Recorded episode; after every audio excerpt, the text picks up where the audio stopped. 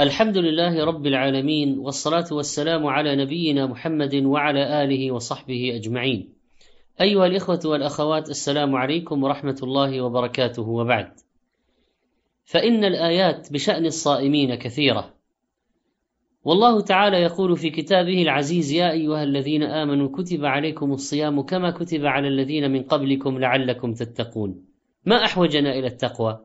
تطهر نفوسنا وتزكيها تنقيها من الرذائل والأخلاط الرديئة التي علقت بها. هذه التقوى وردت بمشتقاتها في القرآن سبعا وثمانين مرة.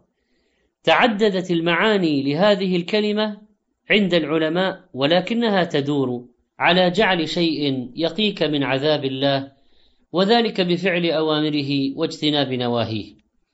التقوى تزكي نفس الصائم وتضيق مسالك الشيطان. التقوى يحققها الصيام لأن فيه حبسا للنفس عن الشهوات وفطاما عن المألوفات وتعديلا للقوة الشهوانية لهذه النفس لتطلب سعادتها ونعيمها وتقبل ما تزكو به في حياتها الأبدية. إنه يكسر الجوع والظمأ حدة ويذكر بحال الأكباد الجائعة من المساكين. فالصيام لجام المتقين وجنة المحاربين ورياضة الأبرار والمقربين وهو لرب العالمين من بين سائر الأعمال. الصائم لا يفعل شيئا ولكنه يترك. يترك ماذا؟ شهوته وطعامه وشرابه لأجل معبوده. يترك محبوبات نفسه ويكون فيما بينه وبين ربه سرا. والعباد قد لا يطلعون على المفطرات إذا تعاطاها. لكن ربه يعلم ذلك. الصوم له تأثير عجيب في حفظ الجوارح الظاهرة والباطنة والحمية التي تكون له عندما يصوم فيعينه ذلك على تحقيق التقوى. وتحقيق التقوى بالتزام أوامر الدين وواجباته. هذه التقوى التي فيها الاهتمام أولا بالفرائض. وما تقرب الي عبدي بشيء احب الي مما افترضت عليه وقال عليه الصلاه والسلام اتق المحارم تكن اعبد الناس فهي اتيان الفرائض فعلها وكذلك الكف عن المحرمات قال ابن عمر رضي الله عنه لرد دانق من حرام احب إلى الله من انفاق مائه الف في سبيل الله وبعض الناس يفعلون مستحبات ولكنهم يقعون في محرمات فنقول لهم سبحان الله كيف تفعلون ذلك؟ هذا الصيام يذكركم بأن تتركوا المحرمات وتأتوا الواجبات وأما أن تفعلوا المستحبات إنكم تقفون في التراويح إنكم تقومون بإطعام الطعام وأنتم مع ذلك مقيمون على أكل للمال الحرام؟ كيف تفعلون هذا؟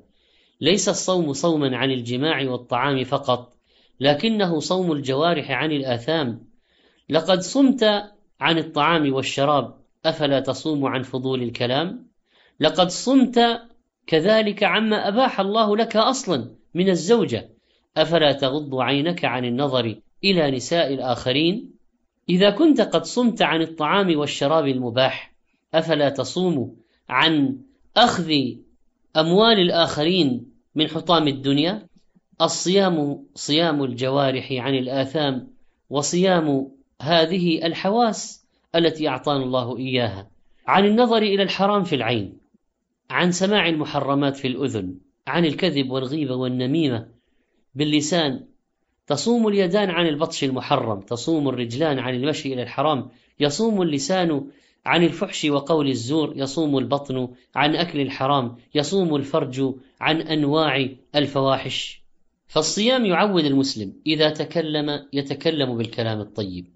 لا يفري في أعراض المسلمين كذبا وغيبة وحقدا وحسدا وهو يعلم أن هذا من كبائر الذنوب. قال عليه الصلاة والسلام مذكرا للصائمين من لم يدع قول الزور والعمل به فليس لله حاجة في أن يدع طعامه وشرابه. ما أكثر هؤلاء الذين يسمعون هذا الغناء المحرم الذي يبعث الشهوات الذي يؤدي إلى الحرام الذي يوقظ في النفس من هذه الأشياء الكامنة يحركها إلى طاعة الشيطان. لماذا؟ هذه قنوات كثيرة تعبث بصيام الصائمين وهذه تودي بأجرهم وثوابهم إلى المهاوي إحباطا. فلماذا؟ الصوم جنة. قال عليه الصلاة والسلام فإذا كان صوم أحدكم فلا يرفث ولا يجهل وإن امرؤ قاتله أو شاتمه فليقل إني صائم إني صائم. رواه البخاري. وقد ذكرنا النبي عليه الصلاة والسلام بأنه رب صائم ليس له من صيامه إلا الجوع ورب قائم ليس له من قيامه إلا السهر. رواه ابن ماجه وهو حديث صحيح. فنعوذ بالله من هذا الحال. التقوى لا تتحقق في المرء إلا بأشياء ونذكر أنفسنا مرة أخرى لعلكم تتقون. لماذا فرضه علينا؟ قال في الآية لعلكم تتقون. التقوى تتحقق بأمور مراعاة الأدب في العبادة والمعرفة بالمقصود من شرعيتها. أما المقصود من الصيام فإنه شيء عظيم. تصفية القلب عن الوساوس الرديئة وتفريغ الهم لله عز وجل وأن يكون الصائم دائم الاتصال بالله. لقد قهر نفسه ومنعها من الطعام والشراب والنكاح هذه المدة فزكت وتحررت من هذه الأمور الدنيوية فسمت وهي الآن تراقب مولاها تعيش معه. ولذلك فلا بد من ضبط الظاهر والباطن. لا بد من أن ندفع بهذه الجوارح إلى المصحف قراءة وإلى التفكر في ملكوت الله وإلى الذكر باللسان والصوم عن القيل والقال. وأيضا فالصوم جنة وهو عبادة المتقين فإذا صمت فليصم سمعك وبصرك ولسانك ودع أذى الجار وليكن عليك وقار وسكين يوم صومك ولا تجعل يوم صومك ويوم فطرك سواء. إذا لم يكن في السمع مني تصاون وفي بصري غض وفي منطقي صمت فحظي إذا من صومي الجوع والظمأ فإن قلت إني صمت يومي فما صمت. ثم إن استعمال التقليل من الطعام عن الحد الذي كان يأكله وهو مفطر ضروري.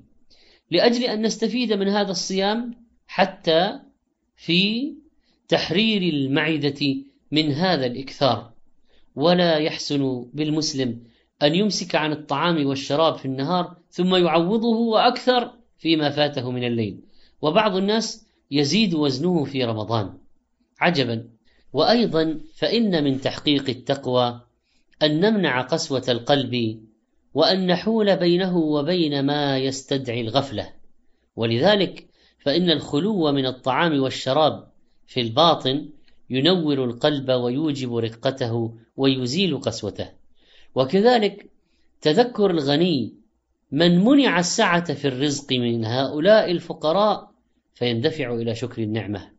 وكذلك فإن التمايز بين الصائمين على حسب إيمانهم وتقواهم. فهناك طبقة تركوا الطعام والشراب والشهوة لله يرجون عنده عوضا فهؤلاء تاجروا مع الله وعاملوه والله لا يضيع أجر من أحسن عملا والطبقة الثانية من يصوم فيحفظ الرأس وما حوى والبطن وما وعى ويذكر الموت والبلى ويريد الآخرة فيترك زينة الدنيا فهذا عيد فطره يوم لقاء ربه وفرحته برؤيته وهؤلاء الذين أداموا الصيام كثيرا وراعوا آدابه. والطبقة الثالثة ملازمة للشريعة في الصيام فتراعي الأحكام وكذلك تضيف إلى ما سبق هذا الفقه فهي في أرفع الدرجات. فعلى المسلم أن يختبر نفسه ويؤدي هذه الفريضة العظيمة وينظر هل اكتسب من صومه تقوى ربه فيحافظ على ما أمره به ويترك ما نهاه عنه وإنما يثمر الصيام التقوى لأنه يلزم الإنسان بالطاعة ويجعله يعيش في جو الإيمان. والله سبحانه وتعالى قد جعل لنا من هذه العبادة ما يذكرنا بالامتناع عن المحرمات. ولذلك لما قال فليس لله حاجة في أن يدع طعامه وشرابه فالمسلم يفكر جيدا أنا أترك الطعام والشراب وأجوع نفسي ثم أقع في هذه المحرمات كيف أفعل هذا؟ أضيع ثواب عملي؟ هل أكون ممن سخط الله عنهم؟ لا يمكن أن يكون كذلك نسأل الله سبحانه وتعالى أن يجعلنا من المتقين وأن يهدينا إلى سبيله القويم وأن يتوب علينا إنه هو التواب الكريم. أستودعكم الله. والسلام عليكم ورحمة الله وبركاته. كنتم مع آيات للصائمين لفضيلة الشيخ محمد صالح المنجد.